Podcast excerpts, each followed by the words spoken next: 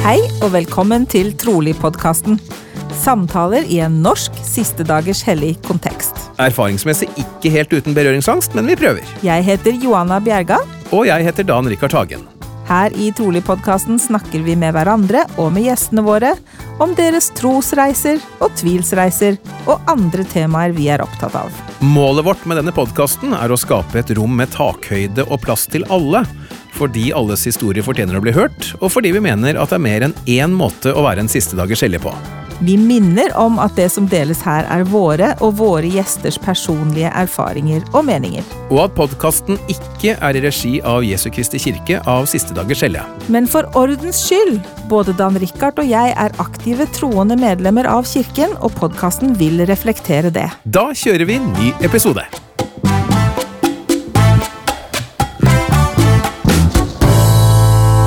Da skal vi få lov til å ønske velkommen til episode 42, vi, Johanna. Hei på deg! Hallo, hallo, Dan. Så hyggelig å se at sola skinner bak deg, for det er jo ikke så ofte det på Vestlandet. Nei, ikke sant. Det er eh, en fin, klar eh, senhøstdag, ville jeg nok eh, kalt det. Mm. Ja, Jeg må jo bare spørre, siden vi er inne på været. Vi fikk jo fire dager med snø, tror jeg det var, for et par uker siden. Har snøen ankommet Stavanger? Nei, nei, nei, ikke noe snø Nei. her. Ingen fare. Nei. Får dere det i løpet av vinteren, da? En sjelden gang, gjerne, men som regel ikke før sånn i januar-februar, så får vi gjerne Ja, okay. bitte litt. Mm. Ja vel. Ikke noe særlig julefølelse å, å snakke om, med andre ord. Uh, nei, jeg tror på de uh, 40 34 årene jeg har feiret jul i Stavanger, så tror jeg vi har hatt snø til jul to eller tre. Akkurat. Ja, ja. Nei, Da var ikke det det helt store å snakke om. Men Mm. Nei. vi har uh, veldig mye annet spennende vi skal snakke om i dag, vi. I dag har vi en veldig spennende gjest. Ja, dette har jeg gledet meg veldig til, Uh, og en av grunnene til det er fordi at han var høyrådsveileder for Moss menighet for uh, et par år tilbake. Og så, jeg- Det varte jo dessverre, vil jeg si, ikke så veldig lenge, så i- ifølge min hukommelse så tror jeg du rakk å holde én tale, og da var det sånn at jeg, i hvert fall jeg følte nesten for å reise meg opp og rope halleluja. Med oss i dag har vi altså Gunnleiv Andersen, velkommen. Tusen takk skal du ha. Det var litt av en introduksjon. Det hørtes kjempegøy ut. Ja, det var kjempegøy. Det, var, det, er helt greit, det er helt greit med litt halleluja. Ja, er det ikke det? Det er altfor lite av det, si. Men, men eh, det, er ikke, det er jo kanskje ikke helt tilfeldig heller, da, eh, at det var sånn. Og det skal vi jo komme eh, Ja, det kan vi egentlig ta nærmest med en gang, for dette er jo en del av din historie, for så vidt. Kan ikke du fortelle litt, Gunnlaug, for, for det første, hvor kommer du fra? Um, jeg har vokst opp på en kjempefin liten plass som heter Tau. Det er i Ryfylke. Det er ikke så langt ifra Stavanger. Um, og det er en del av det såkalte bedehusland, så jeg har en veldig sånn tradisjon i, ifra, fra, fra det. Uh, Der vokste jeg opp med mor, far og to eldre brødre, uh, og hadde det kjempefint. Uh, Og, og bodde der til ja, mine studier og sånne ting. Så flytta jeg østover til Asker i forbindelse med at jeg gifta meg. Så det kort om meg. Ikke sant? Og da nevnte du jo så vidt, da, bedehusland. Kan det da stemme at eh, det var litt derfor den talen opplevdes som at der sto det en kar i fyr og flamme, da? Eh, mulig det. Mulig det. Ja, Eh, ja. Fordi jeg har jo Da jeg vokste opp, så bodde vi litt langt ifra kirken, så det var jo ikke så ofte vi var der. Men jeg har, er nok en fyr som har litt dragning mot det religiøse, så jeg fikk veldig mye gode venner i bedehusmiljøet i bygda der jeg eh, vokste opp. Um, og kjente litt på, på kontrasten mellom de som gikk på bedehuset og de som ikke gikk på bedehuset. Jeg går ut fra den historien du kanskje sikter til. Ja. um, uh, og det var veldig spennende. Og jeg synes det er en verdens viktig del av meg å ha med, meg- videre i livet. Men da Mhm. nevnte du det. Er det da sånn at uh, du kommer fra en familie som var siste dagers hellige? Ja da, jeg kommer fra en familie som har vært sistdags hellige i, i noen generasjoner. Det var mine oldeforeldre som døpte seg uh, i kirken uh, og i, i rett linje. og det, Min eldste bror har funnet ut mer slektshistorie senere, at det var, var noen familiemedlemmer tidligere også som hadde tilknytning til kirken, men i, i rett linje så var det mine oldeforeldre som døpte seg først. Ok, hvor er vi sånn omtrent i tidslinja da? Eller altså i tid? Ja. Eh, Det var min, min oldemor Theoline som eh, døpte seg eh, først, det var i 1907. 1907, Eh, ja. Og hennes mann Nils døpte seg da en uke etterpå. og i 1907, da. Ja. Akkurat. Spennende. Men på tross av eh, holdt på å si at, eh, at dere var, og er, for så vidt en siste dagers hellige-familie, så var det slik at du gikk til bedehusmøter, da, eller? Ja, um, fordi som sagt, vi bodde litt langt unna kirken, så vi var ikke der så veldig ofte. Den gangen så måtte dere jo ta ferje, det var jo ikke tunnelforbindelse heller? Nei da, det stemmer det. Vi tok ikke ferje for å komme til, til, Stavanger, og så når jeg var liten så var jo møtene i Stiftelsesgaten i Stavanger, så nå snakker vi jo veldig gammel historie. um, så ja, så, så der husker jeg at vi hadde primær på kjøkkenet, blant annet. Så alle rom måtte sikkert brukes. Um, men som sagt, det var ikke så ofte vi var der. Um, som sagt, det er litt om bedehusland, dette her. Så via skolen så fikk en jo uh, tilknytning til det religiøse miljøet i bygda. Jeg husker vi hadde skolegudstjeneste rett før sommeren. Uh, og hele, jeg antar hele skolen var der, i hvert fall klassen min. og Vi hadde skolegudstjeneste. Og jeg husker presten han snakket om at Bibelen måtte være en åpen bok. Um, og Lille Gunnleiv han gikk hjem og åpna Bibelen på midten, sånn at den skulle ligge åpen, og lå åpen hele sommeren igjennom, for presten hadde jo sagt vi skulle ha en åpen bok.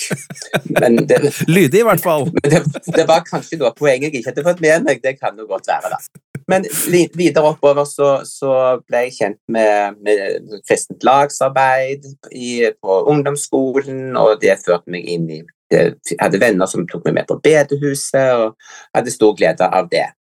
Og jeg opplevde også senere i livet at eh, altså inn og ut så var det jo liksom eh, connection med, med kirken uh, ved siden av her, men, men uh, det var liksom disse opplevelsene som var tydelige for meg. da. Så når jeg på en måte vokste opp og skulle um, i militæret, så var jo det å militæret var en veldig endring i livet mitt, eh, og følte på utrygghet, masse fremmede mennesker. Og Så ble jeg kjempeglad når jeg så at det på oppslagstavlen der sto det 'Soldatlaget', og det kjentes trygt. Så da dro jeg dit. Og Senere, da jeg begynte å studere, så hadde de kristengruppe på Distriktshøgskolen i Stavanger. Så da var faktisk med i styret i kristengruppa på Distriktshøgskolen i Stavanger. Så, så, jeg, så, jeg, har hatt litt sånn, sånn connection, da. Men, men uh, ved siden av så, så, var det jo på en måte følelser knyttet til, til, kirken, men den var ikke så veldig nær for meg. Men jeg husker vi hadde mormors bok hjemme, vi hadde hjemmelærere som kom på besøk. Jeg ble døpt av min far som åtteåring i Stiftelsesgaten i Stavanger da. Ehm, så ehm, ja. Så når var det på en måte at, eh, at du tok steget og ble mer Altså tilknytningen til Jesu Kristi kirke siste dagers hellige ble, ble, tydeligere, da? Ja. Ehm, jeg hadde begynt å jobbe, så jeg hadde flytta for meg sjøl, så jeg hadde kommet godt opp i unge voksen alder. Så var jeg på besøk hos min, eh, en av mine brødre, og da jeg skulle gå, Eh, så sa han, fulgte han meg ut på trappa, og så spurte han Gunnleiv, eh, vi skal starte en eh, instituttklasse til høsten, og vi skal studere mormors bok. Har du lyst til å være med? Og litt sånn til min egen overraskelse så hørte jeg at jeg sa ja til det. Det var veldig rart å si ja til det, men det føltes òg veldig riktig. For jeg hadde gått og lurt litt sånn på, til tross for dette denne bakgrunnen jeg hadde sånn til og fra med ulike kristne grupperinger og tilhørigheter, så hadde jeg liksom på den tiden gått og lurt litt på hva, hva er meningen med livet, og du ser opp på stjernehimmelen og ser alle stjernene som ligger der oppe, hva, hva er der oppe, og, og, hvordan henger alt sammen? Eh, så når denne invitasjonen kom, eh, så, var, så sa jeg som sagt ja, veldig sånn overraskende. Uh, og så måtte jeg tenke meg litt sånn om og hva gjør jeg med dette? Um, og da kom jeg fram til at Gunnleiv, du har, du har alltid visst du har, at du har vært medlem av Jesu Kristi kirkens siste dags hellige. Du har hatt mange fine, gode opplevelser i ulike kristesammenhenger. Um, men da, du har alltid følt deg litt på siden fordi du har visst at du var medlem av kirken. Så da tenkte jeg at ok, nå, nå har jeg en sjanse nå skal jeg på en måte ta dette på alvor. Nå skal jeg prøve å delta på dette instituttet. Jeg visste jo ikke helt, jeg hadde ikke veldig klar formening om hva institutt var, men de skulle studere mormors bok. Eh, og jeg tenkte ok, greit, her skal jeg eh, ta dette veldig på alvor. eh, studere og prøve å finne ut om dette er noe for meg, sånn at jeg kan da utvikle med det, eller ta troen min mer på alvor enn det jeg opplevde at jeg gjorde på det tidspunktet i livet. Eller hvis jeg finner ut nei, dette er ikke noe for meg, så fikk jeg heller bare melde meg ut. Så det var veldig sånn at jeg følte på dette, dette er en sjanse, den skal jeg benytte, og så får vi se hva det fører til. Spennende. Nå, nå sitter jo vi på en måte med svaret på hvordan dette gikk, da. Men, yeah. men, men før vi går videre på det, for du nevner jo at du har jo hatt fine opplevelser i disse andre kirkesamfunnene som du også besøkte, eller var delaktig i. Mm. Er det noe spesielt du kan eh, nevne som du husker godt, som på en måte var litt sånn Som virkelig ga deg noe, da? Uh, en veldig tydelig uh, fokus på Kristus. Eh, tydelig forkynnelse om Kristus. Eh, og det eh, har jeg gleda meg mye over. Forkynnelse av nåden. At nåden er stor. Kristus har stor nåde for oss. Han har tilveiebrakt nåden for oss. Og det er elementer som jeg veldig sånn aktivt, konkret har med meg i mitt liv i dag. Mm. Det er f.eks. et skriftsted i um, Johannesevangeliet, kapittel 14, vers 6, hvor, Jesus sier at han er veien, sannheten og livet. Ingen kommer til Faderen uten ved han. Mm. Um, Det fokuset opplevde jeg at uh, var veldig tydelig i bedehusmiljøene og lagsarbeidet som jeg var med i. Og det har vært veldig lett å holde fast ved det når jeg kom inn i kirken. Og så opplever jeg at uh, møtet mitt med kirken utvidet og fordypet den opplevelsen og den uh, forståelsen. Uh, så min tro er veldig forankret i um, at Kristus, han er min frelser, og det er Mm. Unnskyld. Uh, mm. Gjennom hans nåde uh, at uh, jeg har mulighet til å komme tilbake til himmelske Fader. Og det setter jeg veldig pris på og veldig takknemlig for. Og det er på en måte grunnlaget for, for min lykke, da. Jeg er veldig opptatt av lykke, jeg er opptatt av takknemlighet, jeg er opptatt av glede. Og basisen ligger da eh, i Jesu Kristi forsoning for meg. Nydelig. Og den skal vi naturligvis også komme tilbake til. Men vi kan jo fortsette reisen. Vi kom til eh, at eh, det på en måte ble et slags vendepunkt eh, rundt institutt. Fortell om det. Ja, Var du her i Stavanger da, eller var du i Oslo, eller hvor var du hen i verden? da var jeg i Stavanger. Ok. Ja, så jeg hadde, var, gikk på institutt i Stavanger, og det var, det var helt fantastisk. Det er helt sånn merkelig, fordi jeg hadde jo på en måte vært en del til og fra på ut, litt sånn på utsiden, men alle i Stavanger gren eh, tidligere, Stavanger menighet da, eh, visste jo hvor godt den familien min var. Eh, De kjente foreldrene mine, de kjente brødrene mine. Brødrene mine hadde begge vært veldig aktive i menigheten. Så, så, så jeg ble jo på en måte bare å- Armene åpna seg og tok imot meg, og jeg opplevde at alle syntes det var kjekt at jeg var der. Og det var en veldig fin måte å bli møtt på. Uh, men men jeg, som sagt, jeg hadde dette målet at jeg skulle finne ut av er dette noe for meg, eller er det ikke noe for meg.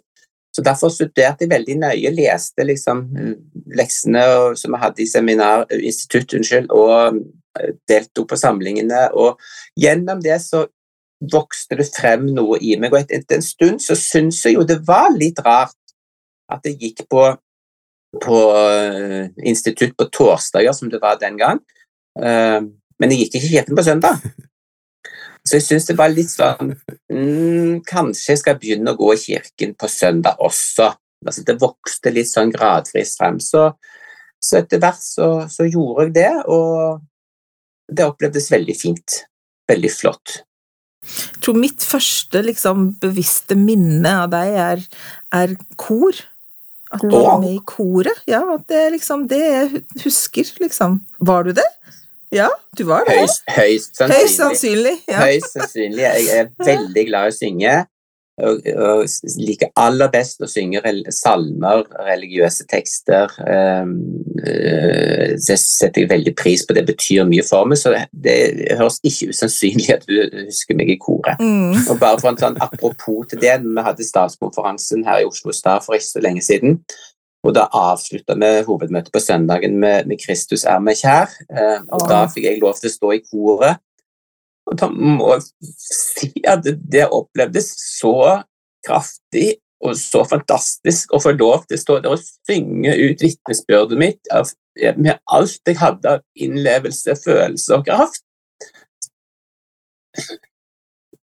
Altså, det opplevdes så flott.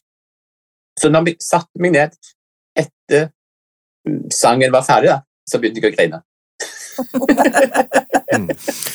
Jeg kan fortelle deg det, Gunnleiv, at du var ikke alene. Jeg satt og så på på, på, på TV-en og satt og grein. Så bra. Mest nydelig. Ja, og jeg så også, for det ble jo holdt avslutningsbønn rett etter, og da titta jeg så vidt på TV-en, og jeg så flere av kormedlemmene som satt og tørka tårer, men det var usedvanlig sterkt, og det er en usedvanlig sterk salme også. Ja, det var, ja, det var en stor opplevelse. Så, så jeg er veldig glad i å synge, og synger gjerne i kor, Johanne. Mm.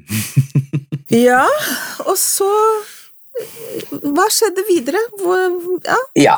Jo, jeg var jo med i eh, Fortsatte på, på institutt, gikk i kirke med søndagene eh, og opplevde at dette, dette gjorde meg godt. Dette brakte meg nærmere Kristus. Men så kom det jo òg Kirken er jo veldig tydelig, i hvert fall sånn som jeg opplevde det på sin forkynnelse når det gjelder familier og ekteskap og samlivsetikk. Eh, Jeg opplever at den er svært tydelig på det. Og da husker jeg veldig godt at eh, det kom til et slags vendepunkt for meg personlig. Eh, Jeg satt på jeg antar det var et nadværsmøte, eh, og så bare plutselig demra det for meg Gunnleiv. eh, Kirken er veldig tydelig på eh, familierelasjoner, ekteskap, eh, samlivsrelasjoner. Og du som en homofil ung mann, går det bra, eller går det ikke bra? Dette er jo egentlig helt feil. Og da tenker jeg, da hadde jeg, jeg var såpass ny, så jeg hadde alle muligheter til å bare trekke meg rolig ut av dette her og si at nei, dette er ingenting for deg, dette kommer ikke til å gå. Um, men det var ikke det som skjedde.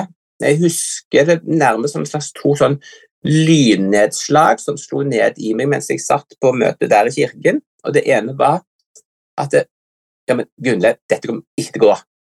Altså, Hvis du skal være tro mot deg sjøl, så dette går ikke.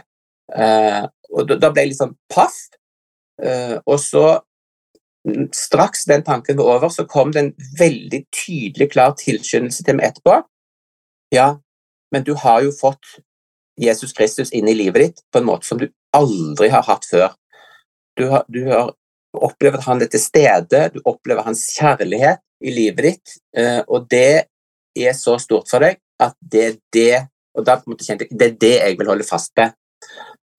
Og så kunne ikke jeg helt sånn på en måte overskue alle konsekvenser av, av den tilskyndelsen, men jeg, jeg, jeg opplevde veldig tydelig at det, dette ønsker jeg, holde fast med Kristus, og da vil det for meg bety at du må leve enslig resten av livet ditt.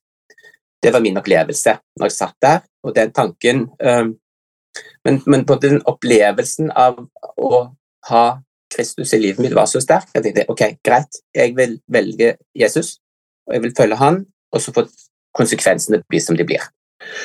Så det ble en veldig sånn uh, sjelsettende opplevelse for meg.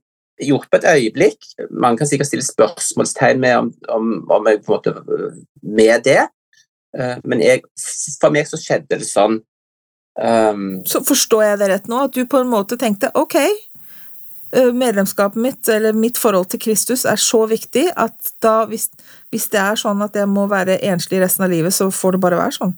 Ja. Wow. Det var det som kom til meg da.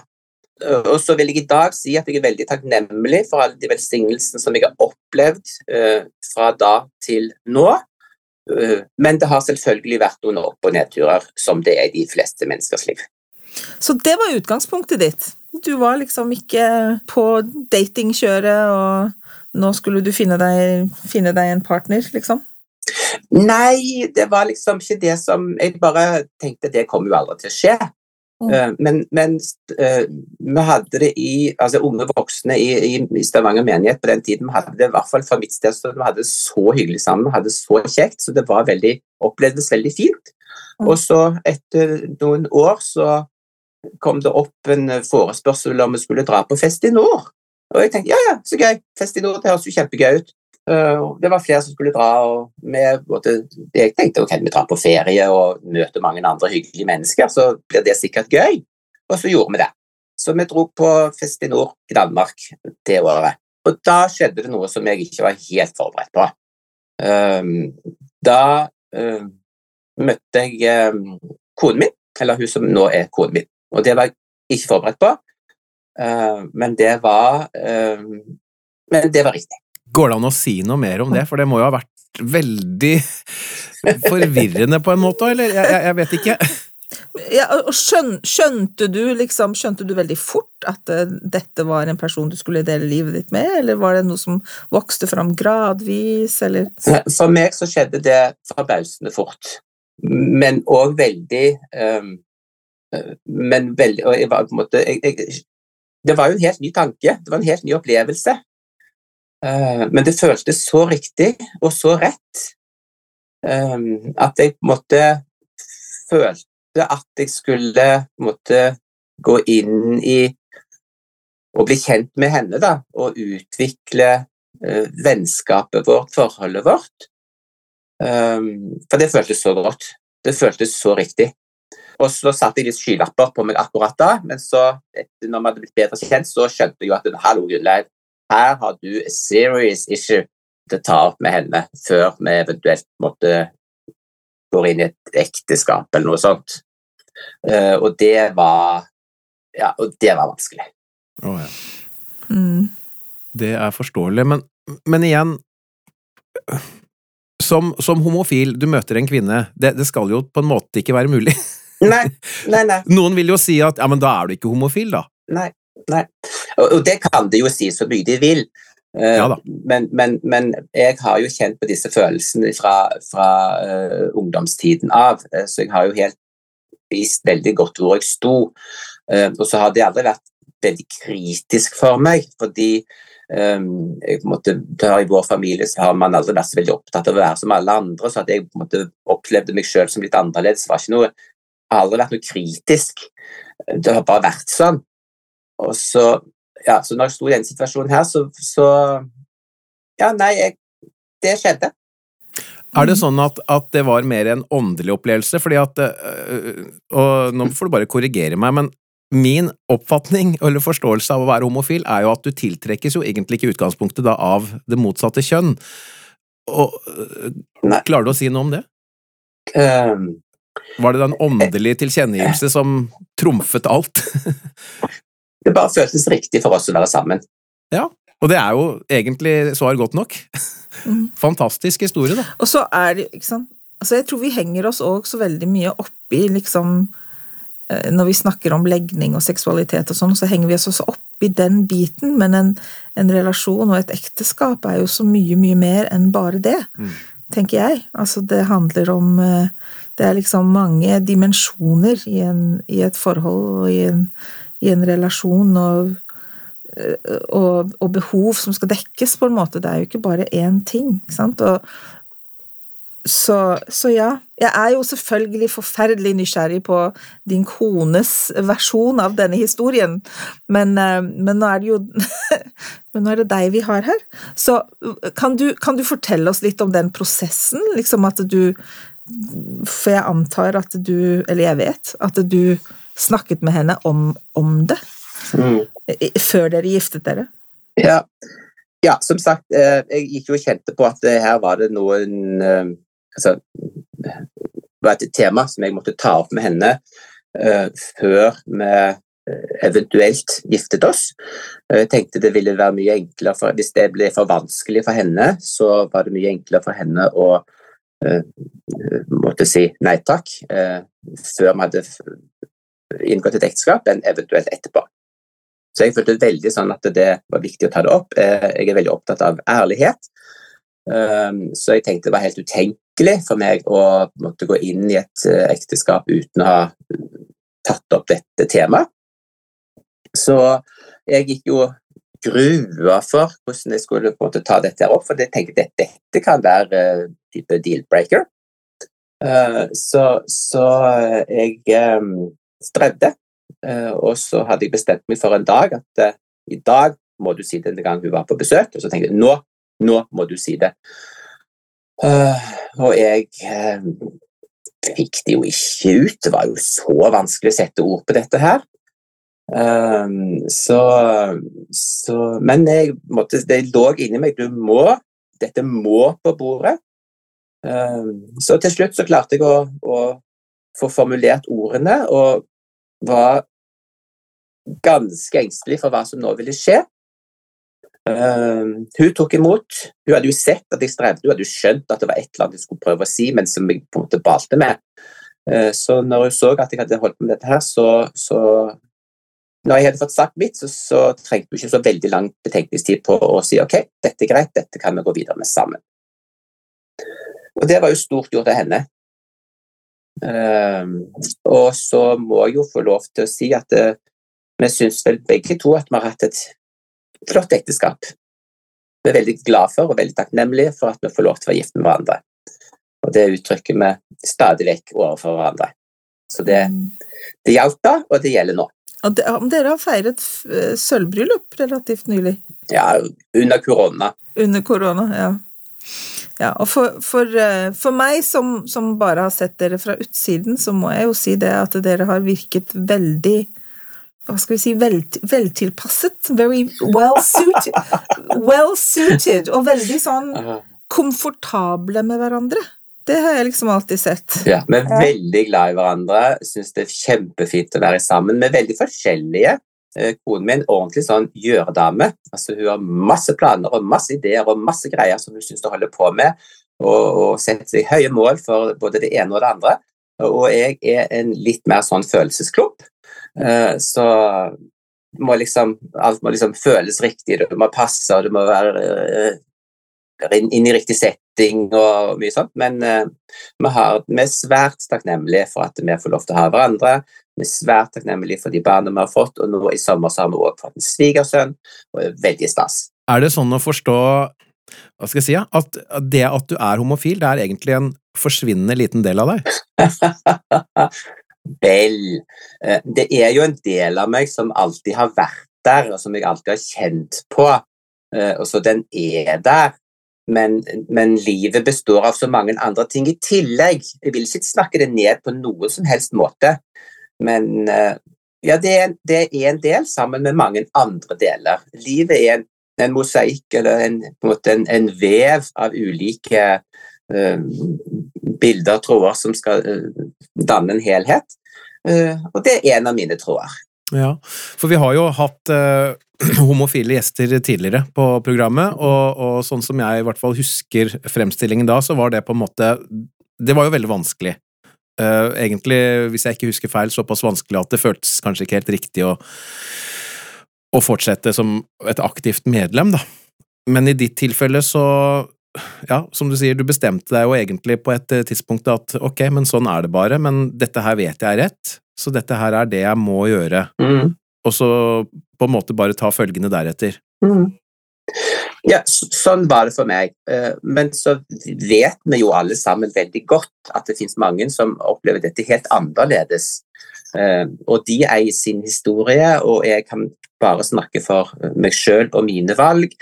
Eh, jeg, vet jo at jeg er ikke den eneste, jeg kjenner jo andre som har gjort lignende ting som, som, som meg, men, men, men vi er alle forskjellige. Og, og, vi tar de valgene som vi føler riktig i livene våre, ut ifra der vi står og de omstendighetene som gjelder. Jeg er takknemlig for jeg har fått for at jeg har havna der jeg har havna, da, eller tatt de valgene som jeg har tatt. Det har brakt mange velsignelser inn i, i mitt liv, og jeg, for mitt vedkommende så er jeg veldig takknemlig for at jeg har fått anledning, eller at ting har lagt seg til rette for at jeg kan være der igjen nå. Mm.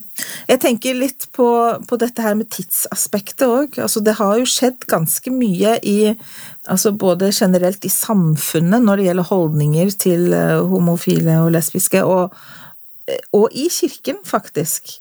Hvordan, hvordan opplever du du det? Eller to, to, spørsmål, egentlig. Var det noen gang sånn, for jeg vet at tidligere, altså for noen tiår siden, så var det egentlig relativt vanlig å anbefale de som hadde likekjønnet tiltrekning, eh, å gifte seg med det motsatte kjønn. I, I håp om at det på en måte skulle fikse det. Mm. Og, og, dessverre så er jo statistikken for sånne ekteskap den er jo ikke akkurat oppløftende. Det gikk veldig, veldig galt for veldig, veldig mange. Nå er jo du Jeg pleier av og til også å si at Gunnleiv eh, er, er unntaket som bekrefter regelen. Eh, du er, du er, på en måte ikke sånn superrepresentativ da, for eh, den gruppen. Altså For nå Kirken gjør jo absolutt ikke det nå lenger. Kirken anbefaler ikke at man gifter seg med det motsatte kjønn dersom man opplever likekjønnet tiltrekning. Og har også endret holdninger på en, en del områder, men, men, likevel, men, står likevel veldig fast på andre. Da. Hva tenker du om den utviklingen som har skjedd? Mm. Jeg kan prøve. Uh, uh, jeg opplever òg, som du, Johanne, at uh, Kirken har endret talemåte i hvordan de omtaler dette med likekjønnet tiltrekning på eh, gjennom tiårene, på samme måte som samfunnet ellers har endra seg mye på det området. Eh, eh, så jeg tenker det er flott med større grad av åpenhet, og at det og, gjennom det òg større grad av aksept for at vi er forskjellige, og at vi har ulike valg å, å, å ta. Uh, men jeg vil huske òg for min egen del da, at, det, at, det, at Kirken var så tydelig på sitt ståsted, det syns jeg var veldig godt når jeg på en måte sto der og skulle ta mine valg. Eh, fordi da, da opplevde jeg at Kirken flagget ståstedet sitt veldig tydelig i sin forkynnelse, og det opplevde jeg som godt. For andre så kunne jo det uh, måtte virke av skremmende eller gjøre det vanskelig, uh, men det gjorde ikke det uh, for meg. Men, men, jeg opplever jo at det er en mye større grad av åpenhet nå enn det det var for noen tiår siden. Og det anser jeg som veldig positivt. Er det lov å spørre litt hvordan, hvordan, dere har valgt å formidle dette til, til barna deres, og hvordan Ja, altså ja, ja. Fordi på et eller annet tidspunkt sant, så, blir det, så blir det jo et tema. Ja. Mm. Eh, jeg har prøvd å snakke med barna mine uh, fra ung alder uh, om, om, dette, bare for at det ikke skulle være noe sjokk eller opplevelse som, som, på en måte når de ble store, så bare hva, liksom. sant? Så jeg har prøvd å inkorporere det i samtaler med barna på mest mulig naturlig måte opp gjennom livet. Og det har ikke vært noe håper å si problem er feil ord, kanskje, men det har ikke vært noe Det er ikke skapt konflikt eller uh... Barna våre er veldig klar over at pappa er veldig, veldig glad i dem. Eh, og jeg som pappa opplever at barna våre er veldig, veldig glad i meg. Så jeg uh... Jeg tror også barna er veldig klar over at mor og far er veldig glad i hverandre også. Ja, det tror jeg også. Ikke sant? Altså, det er veldig hyggelig. Mm. Altså, jeg, jeg, har ikke opplevd at dette her altså, Selvfølgelig, det oppleves litt rart å, for å, å, ta det opp, men, men det tenkte jeg, og det, må jeg, det, måtte jeg som voksen bare fikse. Fordi at dette tenkte jeg dette må være en mest mulig naturlig del av vår familie. Sånn, så noen familier er sånn, og noen familier er sånn, og vår familie er sånn. Så, mm. ja. Så det var lettere å ta det opp med de enn det hadde vært å ta det opp med din fremtidige kone den gangen? Eh, da hadde jeg jo på en måte fått øvd meg litt med å ta det opp med henne før vi giftet oss. Så, så det, er jo, det, er jo, en gradvis prosess å åpne opp. Eller for meg så har det vært en gradvis prosess å åpne opp. Så, så Ja, nei, jeg tok det opp, og vi er fremdeles eh, glad i hverandre og har det fint sammen, så jeg, jeg har ikke skjønt at det har ført til de store bølgene.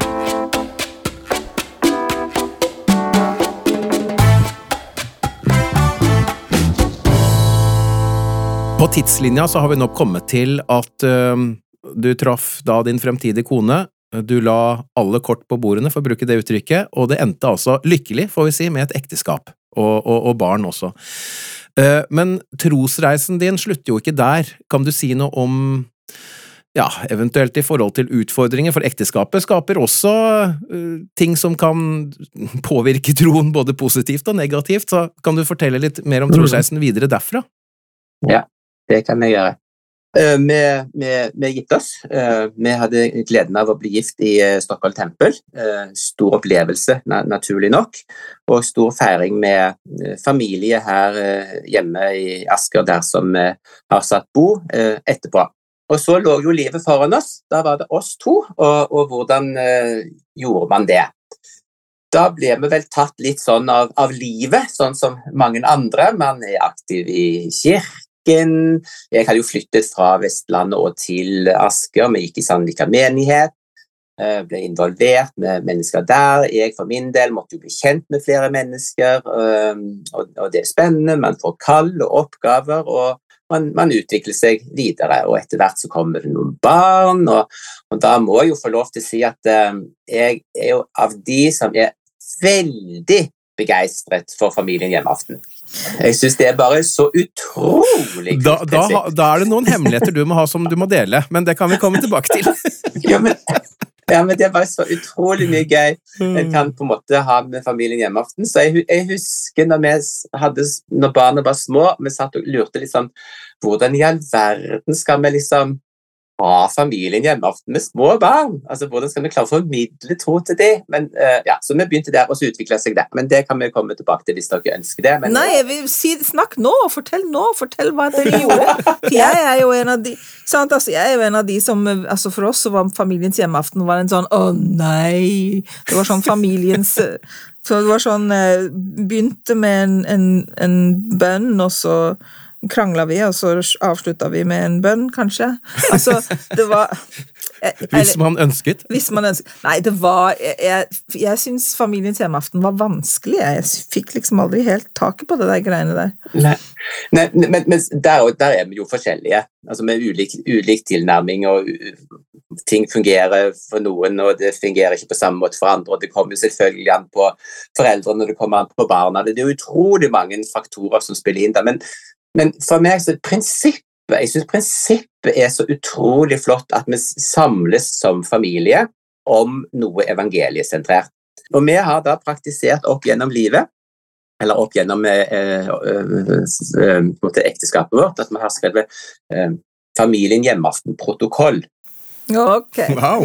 som, vi har, liksom, har en sånn protokoll Eh, der vi skriver som, hvem har ansvar for å ønske velkommen, hvem har ansvar for hvilken salme skal vi synge, og hvilken, hvem har ansvaret for, for, å uh, ha en, et åndelig budskap, og hvem har ansvar for å ha en aktivitet av noe slag, og hvem har ansvar for et eller annet godt å spise. og liksom, Vi har liksom fordelt disse oppgavene.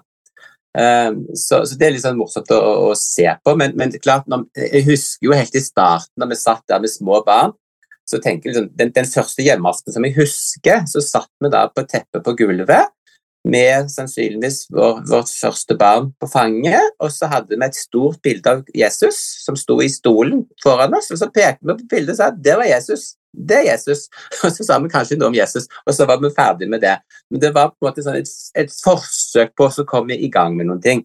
Men så har det jo opp gjennom tidene vært utrolig mye 'Bjørnen sover' og alt, gjemmeleken i stuen og bak sofa og bak gardiner og alt dette sånn. Men alltid med, med, med mye primærsanger har vi sunget. Har alltid prøvd å vinkle med et eller annet åndelig budskap. Vi har hatt talentaftener som har blanda inn i dette her i forhold til aktivitetene. Der, så det, uh, ja, så det, og fra alt dette med ulike aktiviteter, uh, tilnærminger til hvem som skulle gjøre hva og den slags. Så, og, oppleve at barnet vokser til, og etter hvert så er det barna som sitter og underviser oss som foreldre. Og det å høre på de, de underviser, og hvor forskjellige de er i sin tilnærming, um, har jeg sett på som en, eh, altså, en utrolig flott velsignelse å få lov til å oppleve. Ja, altså, jeg synes um, hjemmeaften er fenomenalt. Så det har aldri vært noe problem for dere å ha hjemmeaften selv etter barna på en måte ble større og Nei, kanskje hadde andre interesser, da? nei, jeg har aldri opplevd sånne problem, nei. Muligens, muligens at barna syns det har vært litt eh, Jeg vet ikke. Jeg har, nei, jeg har aldri opplevd det som noe problem. Wow. Måtte dere justere tidspunkter og sånn? Jeg opplevde i hvert fall da ungene ble litt, sånn litt større og hadde mye fritidsaktiviteter og sånn, at at det ble vanskeligere og vanskeligere å putte det inn i kalenderen. Ja, ja, selvfølgelig. Altså, det, må jo, det må jo le- le- legges til rette sånn at det skal være mulig å ha det hyggelig, da. Ja. Så, så det er jo ulike aktiviteter som, som Det er jo flott at barna er med på andre aktiviteter og utvikler evner og talenter og, og bygger vennskap, så, så vi måtte jo legge til rette. Men, men, men, da, men både konen min og meg har jo alltid vært veldig opptatt av at dette, dette er viktig, at vi har, vi har opplevd det som, som viktig. Og så må vi som foreldre da tøye og bøye oss litt for å være fleksible for å prøve å få dette til i forhold til, til barnas aktiviteter. Jeg lurer på om det kan ha litt sammenheng med at dere begge kom inn i kirken egentlig som unge voksne. Altså, du hadde jo på en måte alltid vært medlem, men du hadde jo liksom ikke hatt den derre kulturelle eh, biten av kirken, og det hadde ikke kona di heller. At det, at det påvirket tilnærmingen deres. Altså for oss som For meg, da, som vokste opp i kirken, så var det liksom Det var jo bare enda en ting på listen. Det var ikke en sånn Å, yes, dette blir gøy. Ja, men jeg liker jo ikke sånn enda en ting på listen. Jeg liker jo ikke det. Så det, det, det orker jeg jo ikke forholde meg til. Eh, Så jeg må jo på en måte forholde meg til ting som på en måte gir glede og begeistring i, i livet, da. Altså, Mm. det står jo i hvor det står, det står i andre Nefi 2.25 at Adam falt for at mennesket skulle slippe til, og mennesket til for å kunne ha glede. Mm. Fem streker under glede. Glede. Ja, glede. Fem streker under glede. Ja, det liker vi. Det er jo noe med å legge til Og jeg husker jo veldig godt at eh, sånn, når, når vi var gift altså det, det, det var jo en helt sånn eh, En helt ny situasjon. Det er det jo for alle som blir gift, selvfølgelig, men jeg, jeg hadde jo ikke forestilt meg at det skulle skje. Men ble gift, og så kommer det barn. Og så, så, så kjenne, kjente jeg på fore- for liksom ansvaret for, som, som far. Oi, oi, oi, her må jeg liksom, hva skal jeg gjøre for å liksom legge til rette for at barna skal vokse opp på en god måte? da? Eh, Og da gikk jeg mye og funderte på hva, hva slags familietradisjoner skal vi lage i vår familie? Hva skal vi legge vekt på? Hva, hva skal, liksom, hvordan skal vi måte kunne gjøre eh, måte, evangeliet levende i familien vår på en helt sånn naturlig måte, ikke noe som på en måte kommer utapå eller i tillegg, eller, men at det er noe som er sånn genuint Dette er viktig for oss, dette liker vi, dette gleder vi oss over. Ja, og, og da var jo på en måte det med å måte, bruke hjemmeaftenkonseptet som eh, en, en viktig del til å gjøre søndagene til hyggelige dager som vi kunne glede oss over, var viktig. Jeg husker vi satt og lurte på med, med julefeiringer, eksempel. Tenkte liksom, eh, hva skal vi gjøre med jul for å få den Kristus-sentrerte julen? Og da, um, det, det blir jo mye pakker da, litt for å bli mye pakker, og jeg har en storebror som bare elsker julenisser. Eh, og jeg har et litt sånn anstrengt forhold til julenisser, men jeg er veldig glad i engler. Jeg syns engler er fantastiske. Um, så jeg på en måte, ok, ja, ok, men da, da begynte jeg for å liksom inkorporere religiøse symboler eller tanker i den dag, liksom den måte, feiringen som jeg ellers gjorde. Så da begynte jeg første søndag i advent. Da begynte de hellige tre konger på reisen sin. Da kom de fram, og de hadde så langt å reise. Og så var det andre søndag i advent. Da kom Josef og Maria fram, for de hadde også ganske langt å reise. Og så tredje søndag i advent, da, kom, eh, da begynte de å nærme seg Betlehem og greier, så da begynte de å se hyrdene og sånn på marken. Eh, og på fjerde søndag i advent, da så de stjernen hvor stjernen sto, så da kom den fram. Og så på julaften, da på julaften så kom Jesusbarnet. Men da måtte vi lese juleevangeliet Mm. først. så det, jeg har altså prøvd på å finne sånne måter som vi på en måte kan glede oss over evangeliet sammen, da. Vi kunne vel antagelig hatt en hel episode vi, Johanna, om hjemmeaftener. Og jul! Julefeiring. ja, Og påske. Og ja, men vet du, jeg, jeg hadde en tanke, og det var at alle familier burde jo ha en, en homofil pappa som eh, elsker å engasjere seg i sånn tradisjoner Ja. og ritualer, og, og, og skape kos og stemning. For det er jo ikke alle eh, pappaer som er sånn. Nei, nei, men det, det er ikke alle homofile som liker heller, da, Johanna.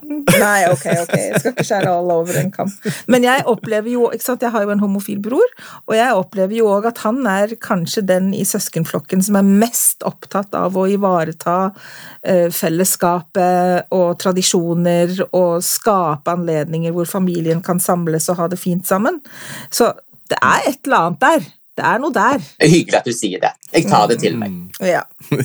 For det er noe med det at, at eh, gode familierelasjoner det skjer ikke av seg selv. Det må faktisk planlegges og organiseres og, og tenkes på. ikke sant? Altså det må være Man må ha eh, Jeg vet ikke om det fins noe godt ord for det på norsk, men intentional. Altså at man har et litt sånn bevisst forhold til hva man holder på med, tenker jeg. I det det, at ikke ting bare suser og går, for tiden går jo uansett. Sant? Og det, sant? Jeg tenker, hvis vi vil at familien skal vare evig, og at vi skal ha det fint sammen i evigheten, så må vi jo i hvert fall prøve oss å gjøre det sånn at vi har det fint her og nå, for at ungene våre skal ha lyst til å være sammen med oss i evigheten. Eller, ja. Enig. Ja. Helt enig. Ja. Så, men, men nå har vi på en måte snakket om alt det gøye, da. Men livet består jo ikke bare av gøye ting. Det, er jo, det går jo opp og ned her i livet. Så siden du snakker om trosreiser, og dere vil på en måte ha Jeg går ut ifra dere vil ha litt Litt kontraster i livet, kanskje? Ja takk. De er jo gjerne der. Ja, ja, kontrastene er det også. Så jeg opplevde jo etter vi hadde vært gift en stund, vi hadde vel fått eh, begge barna våre hadde kommet til verden, vi var aktive i menigheten, det skjedde masse greier, Carl, som vi alle kjenner til. Travelt på jobben, og ja. Og da for lille Gunnleiv, som er en eh, litt sart og følsom eh, type, så ble det mye. Så en dag på jobben så møtte jeg veggen. Gikk rett på, og rett ned. Jeg hadde vel hatt altså, var det så brått eh, som Ja. du fremlegger det? Oi! Ja, altså, ja, jeg skal moderere litt. Jeg hadde vel kjent på at nå, nå er det nå, nå går det raskt framover her. Nå, et, nå, nå bør jeg prøve å bremse, men jeg, jeg skjønte jeg må, du må prøve å bremse, Gunnleiv. Men jeg, jeg, jeg, hadde ikke verktøy til å gjøre det med, så jeg klarte ikke. Så, så, så det var en dag jeg satt på jobben, og så og hadde liksom trukket meg litt tilbake for å, måte, prøve å konsentrere meg om oppgave som, som var litt krevende. Uh, og så fikk jeg én telefon, en veldig hyggelig telefon, men det var dråpen som bare Da rant det over. Da bare gikk jeg rett ned. Eh, begynte å grine og klarte ikke å gjøre noe som helst. Og vedkommende som hadde ringt, kom jo styrtende og lurte på hva som var galt. Eh, og jeg ble ja, kom jeg til lege og ble sykemeldt, og ble værende sykemeldt i lange tider. Ja. Eh, fordi det bare rett og slett hadde blitt for mye for meg. Eh, og da begynte det en annen slags form for trosreise. Eh, fordi når Altså, da var jeg nede. Da var jeg ja, sykemeldt med depresjon. Og eh, legen sendte meg til psykolog, og de på jobben sendte meg til eh, coach. Og, så alle prøvde jo å hjelpe meg på et eller annet vis, men jeg var nede. Øh, Og strikken hadde røket. Og da er en sårbar. Jeg var i hvert fall sårbar. Eh, og når jeg da måtte satt der og lurte på, på hva nå, eh, så kom jo òg disse på måte, de, de, de mentale forsvarsverkene var nede, og da kommer livet rullende, og da kom òg disse disse homofile følelsene tilbake på en måte som eh, var en annen, mer utfordrende, litt tung eh, måte enn det jeg hadde opplevd før. Um, jeg kjente veldig på det at å være eh, eh, homofilt medlem av kirken, det gikk ikke. Det var to, så to veldig motstridende eh, ting at det Da var jeg noe som ikke fantes. Jeg skulle ikke finnes. Og det er jo ikke sant. men, men i, i, i, i, mitt hode så, så kjemper jeg på det. Uh, og det til tross for uh, masse flotte, åndelig gode, sterke opplevelser opp igjennom. Flott kone som støtta meg og var med meg på ville mitt beste på alle vis. Men det føltes bare sånn at nei, dette skal jo Altså, jeg skal jo ikke finnes. Det er ikke i tråd med kirkens lære eller prinsipper, eller jeg skal bare ikke finnes. jeg er en feil. Um, så det er rett og slett helt på eksistensielt nivå? Altså var det litt sånn har, Skyldte du på Gud? Har Gud gjort noe feil? Tenkte du at du skulle endres? At du måtte endres, eller hva? Jeg, bare, jeg, jeg tror ikke jeg hadde så systematiske tanker rundt det. Det var bare opplevelse av dette Og det sprang jo ut ifra fordi jeg hadde jo aldri hørt om noen medlemmer av kirken som hadde disse følelsene. Jeg visste ikke om noen. Og så kan jo si at rent intellektuelt så, så kunne jeg jo på en måte vite at eh, det statistisk sett så er det en viss prosentandel av befolkningen som har denne type følelser. Så, så, så, høyst sannsynlig så fantes det noen. Men jeg hadde ikke møtt dem, jeg visste ikke om dem, så det føltes veldig sånn Ja, jeg er en feil, kjente jeg på. Um, og, og konen min så jo at jeg hadde det jo ikke bra. Uh, og det er jo ikke lett å være pårørende i sånne sammenhenger, så da bruker man de verktøyene man har. Og som dere alle vet, så blir vi jo ofte oppfordret til å gå og snakke med biskopen hvis vi har problemer av ymse slag. Uh, så konen min oppfordret meg til å gå og snakke med biskopen. Og jeg tenkte men kjære vene, da, altså, han kan da ingenting om dette. Det er jo helt altså, så pinlig da på toppen av det hele. Altså, jeg, måte, menigheten er ikke så stor, så kjente jo biskopen godt. Um, så jeg på en måte vegra meg og tenkte nei, nei, nei, nei, nei. Dette, nei, dette må vi fikse på en annen måte. Altså, når jeg hadde på en måte holdt på sånn en stund um, Konen min er klok, så hun, hun holdt fast på sitt, og jeg vegra meg. Men til slutt så tenkte jeg Gunnleiv, hør nå her. Du har jo selv stått og undervist i klasser om at hvis du har utfordringer og ting som er vanskelig, så gå og snakk med biskopen. Skal du nå selv være så stolt at du ikke gjør det selv? Tenkte nei, det kan du ikke være. Nå får du manne deg opp, og så får du gjøre en avtale med biskopen. Og det gjorde jeg. Og jeg syntes jo det var skrekkelig pinlig, da veldig sånn vanskelig og nok en gang vanskelig å få satt ord på dette.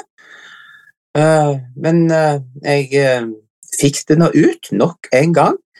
Og... Betyr dette at biskopen ikke var klar over at du var homofil? Er det sånn å forstå? Ja.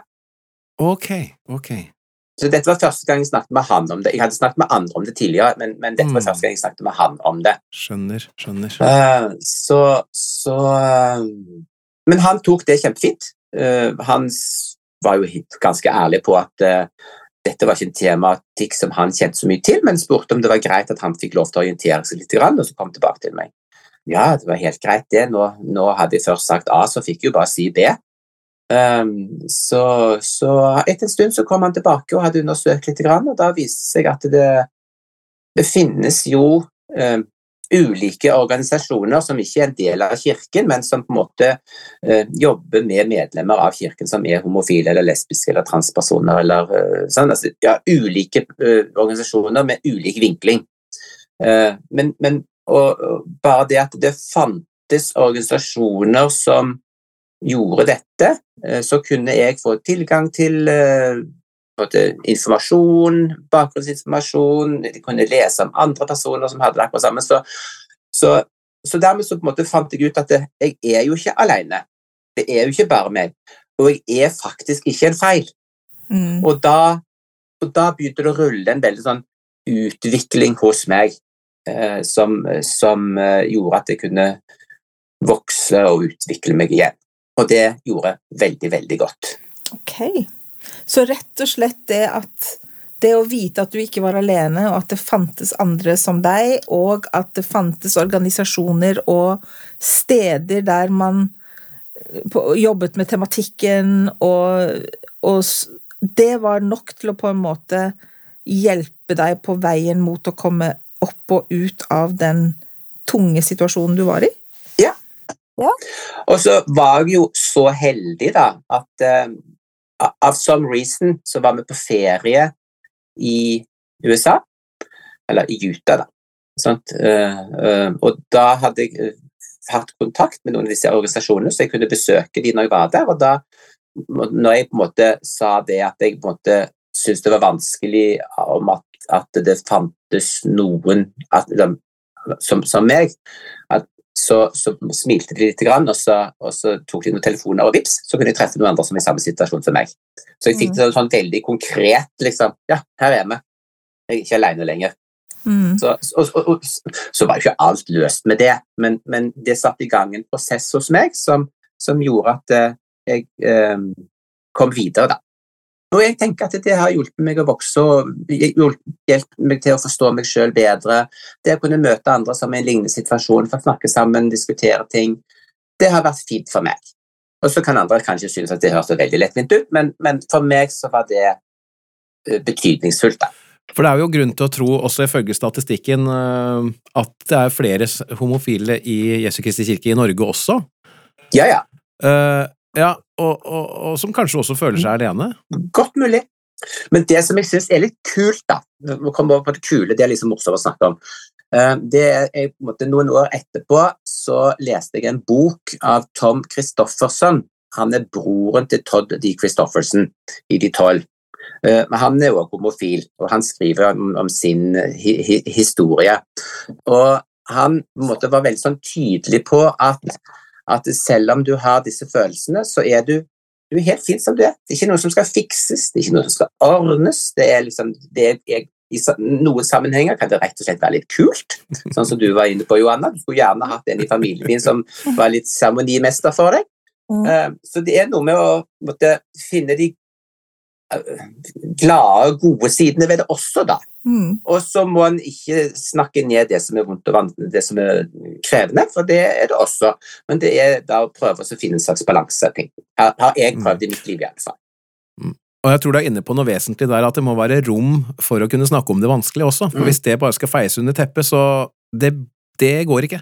Nei, det går ikke. Det blir bare tull. Mm. Og når vi sitter og snakker om dette her, da, så, så må jeg jo få lov til å eh, nevne et lite bilde som jeg er utrolig glad i. Eh, det er et lite, bitte lite bilde med en liten plastikkramme på, så det er ikke noe grand av noe slag. Eh, men det bildet hang over min seng da jeg var liten hjemme på gutterommet på Tau. Og der, eh, Jeg sitter og ser på bildet nå. Og der er det en liten gutt eh, som går i litt sånn skummel og farlig natur over et elv og noe på en smal planke. Så det er liksom livets vandring, kan en tenke seg det. Og så ved siden av så er det en stor, flott, skinnende engel som går og holder gutten i hånden. Og det er liksom, eh, Når vi snakker om tro, så er det liksom Der er Gunnleif. Han går gjennom livet med sine ups and downs, og så har Herren sendt eh, noen engler som passer på meg og hjelper meg. Og så når jeg trår utafor planken, så hjelper de meg å komme på igjen. Og så prøver de å hjelpe meg til å holde meg på planken. Eh, så det er et veldig enkelt bilde, men det er veldig sånn betegnende for min tro, da.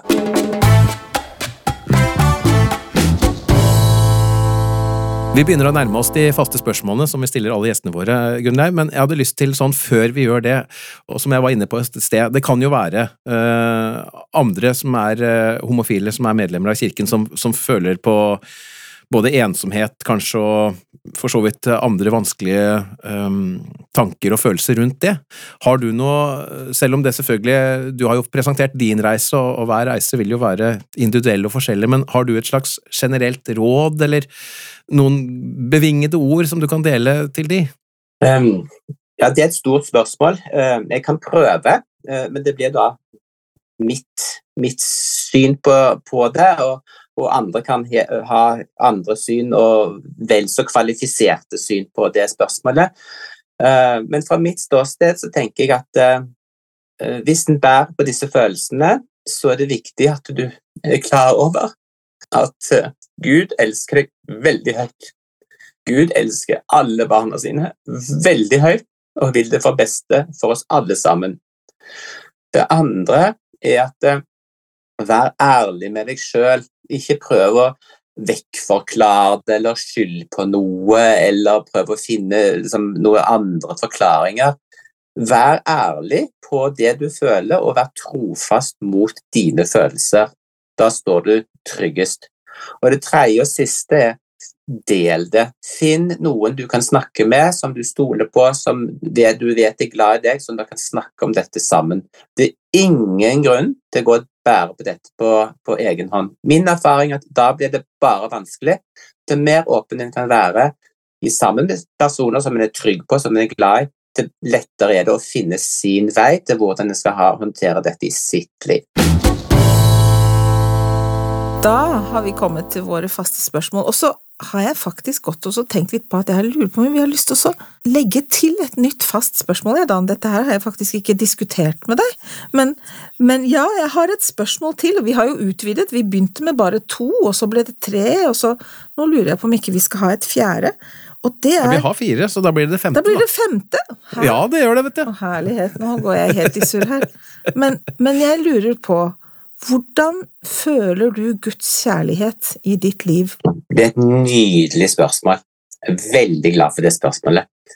Ehm, jeg opplever Gud til stede i mitt liv gjennom Åndens påvirkning, tilskyndelse. Jeg kjenner det særlig i bønn, når jeg kommer fram for Gud i bønn, og med spørsmål, uh, usikkerhet, ting jeg lurer på, ting jeg er utrygg på, ting jeg trenger hjelp til, og er sårbar, så kjenner jeg at Gud er glad i meg. Jeg kan kjenne at han nærmest uh, litt sånn billedlig legger armene rundt meg og tar vare på meg og forteller meg at ting kommer til å bli bra, og at han vil være ved siden av meg og støtte meg og hjelpe meg. Og det er noe av de vakreste, fineste opplevelsene som jeg har. Mm. Og hvordan føler du at du hører ham i, i, i hverdagen? Um, det som er viktig for meg, det er å lese hans ord. Altså lese det. Uh, skriftene er viktige for meg. Uh, Eh, kirkens ledere gir jo mange budskap. Det er viktig å lese. Veldig glad i den kunnskapen som kommer fra å lese. Eh, jeg er glad i bønn og det å snakke med Han. Utøse mitt hjerte, lytte etter svar. Og det å oppleve Den hellige ånds hvisken og veiledning. Mm. Men hvordan arter det seg? Hvordan kjenner du at her, der var det Den hellige ånd som talte til meg? Ja, hvordan kjenner jeg det? um, det er en slags form for um, forklarende Ikke øyeblikk Ja, jo, kanskje sånn et slags forklarende øyeblikk. Plutselig så ser du noe i et annet lys. Plutselig så ser du sammenheng som du ikke så før. Eller du, på en måte, det kommer en tilskyndelse som du på en måte opplever ah, Sånn ja, sånn er det. Og så er det helt sånn tydelig at Men sånn er det jo. Og det er helt tydelig at det er en, en, en, åndelig, en, guddommelig inspirasjon som kommer. Det, det er nærmest som du kan lese skriften på veggen av og til. Det er selvfølgelig ikke ofte, og det er jo ingen bokstaver der, men, men av og til så kan du føle liksom bare ah, du ser det nærmest sånn. Og nå har du jo på en måte egentlig gjort det, men hvordan definerer du tro? Altså, hva er tro? Tro er jo et sånt fantastisk begrep, og det er på en måte mange så mye, så det er jo vanskelig å bruke andre ord for å, for å definere det.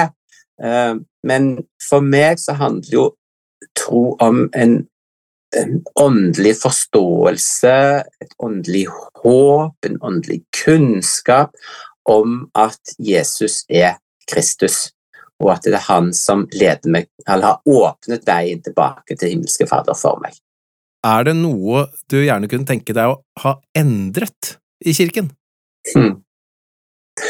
Um, jeg er så takknemlig for det kirken har gjort for meg, for at måten kirken har vist meg veien til Jesus Kristus. Så jeg føler ikke at jeg er i posisjon til å ønske å endre noe som helst, for jeg er så takknemlig for det, den relasjonen Kirken har hjulpet meg til å få til Jesus Kristus. Så jeg er veldig takknemlig for det.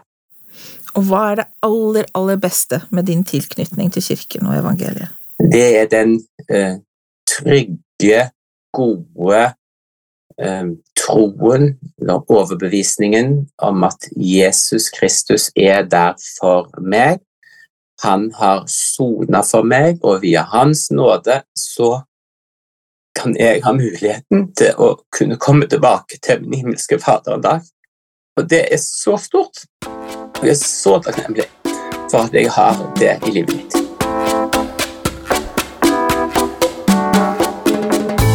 Tusen takk for at du hørte på dagens episode. Vi er snart tilbake med en ny og spennende samtale. Og for å gjøre ventetiden litt kortere, så kommer som vanlig vårt nyhetsbrev Mer enn trolig i innboksen din om kort tid. Ja, Det er hvis du abonnerer på det, da, og det gjør du enkelt inne på vår Facebook-side. Ja, og i tillegg så finner du oss både på Instagram og Twitter, som oppdateres med jevne og ujevne mellomrom. Har du forslag til enten temaer eller gjester du syns vi burde snakke med? Send oss en e-post til troligpodkast med k at gmail.com. Og vi blir veldig glad for skriftlige tilbakemeldinger i alle våre kanaler. Og ikke glem at dette vil også hjelpe andre å finne trolig. Takk for nå. Vi høres!